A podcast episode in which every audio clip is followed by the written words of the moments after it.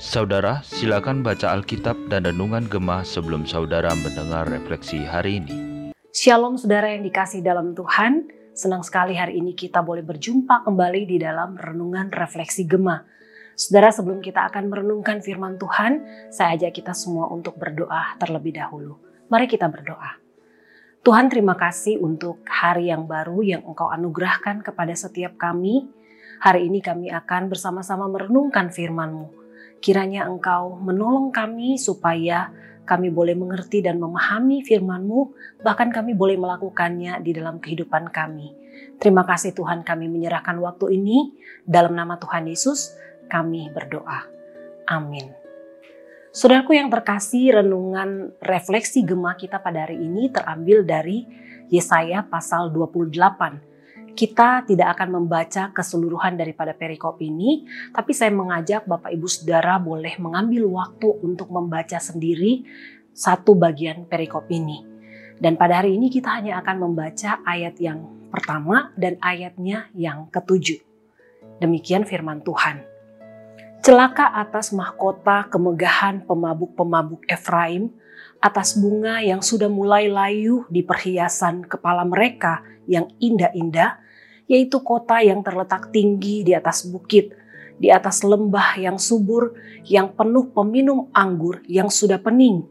Tetapi orang-orang di sini pun pening karena anggur dan pusing karena arak.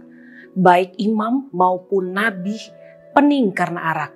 Kacau oleh anggur, mereka pusing oleh arak, pening pada waktu melihat penglihatan, goyang pada waktu memberi keputusan. Saudara mungkin kita akan merasa heran ketika mendengar ada seorang majelis atau seorang pendeta yang mabuk-mabukan. Ketika kita mendengar hal ini, mungkin kita akan berkata, masa sih seorang majelis, seorang pendeta suka mabuk-mabukan? Saudara mungkin saja, di salah satu daerah di Indonesia, saudara, satu kali saya pernah mendengar ada seorang bapak bertanya kepada seorang majelis ketika sebelum ibadah persekutuan rumah tangga dimulai. Pak Penatua, itu mukanya merah banget. Kenapa ya? Lalu penatua itu menjawab, baru habis minum air kata-kata supaya nanti lancar berkhotbah. Artinya saudara, penatua ini baru saja minum alkohol supaya ketika dia membawakan renungan firman Tuhan, maka dia bisa membawakannya dengan lancar. Sebab memang di gerejanya memperbolehkan seorang penatua untuk membawakan renungan firman Tuhan. Saudara bukan hanya Bapak Penatua ini saja yang melakukan hal yang demikian, tetapi di daerah itu pun seorang pendeta bisa melakukan hal yang demikian.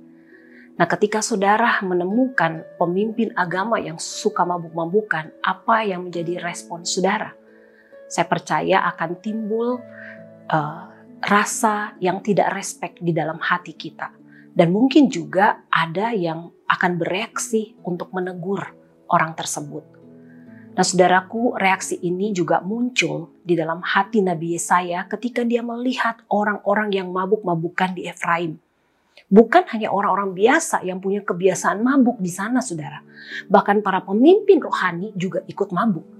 Akibatnya, mereka menjadi kacau, pening dalam penglihatan, dan oleng waktu membuat keputusan. Mereka dikuasai oleh kemabukan sehingga tidak dapat berpikir dengan jernih. Mereka menolak firman Tuhan, tidak mau dikekang, ingin bebas memuaskan keinginan daging. Keadaan mabuk membuat mereka lupa hidup takut akan Tuhan. Saudara, saat berada dalam keadaan mabuk, mereka menyangka bahwa mereka tidak akan mengalami penghukuman Allah meskipun mereka hidup sesuka hati mereka. Mereka hanya berkhayal. Pikiran mereka kacau. Mereka meyakini bahwa dusta yang selama ini mereka lakukan akan menolong dan menyelamatkan mereka dari hukuman Tuhan Bahkan dunia orang mati pun tidak akan menelan mereka. Saudara sungguh mengerikan kepercayaan diri mereka yang muncul dari pikiran yang kehilangan kesadaran.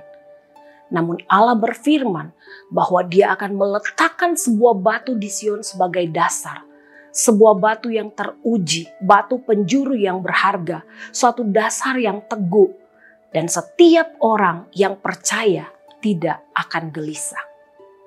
Saudaraku, iman orang yang mabuk di Efraim dan Yerusalem merupakan dusta.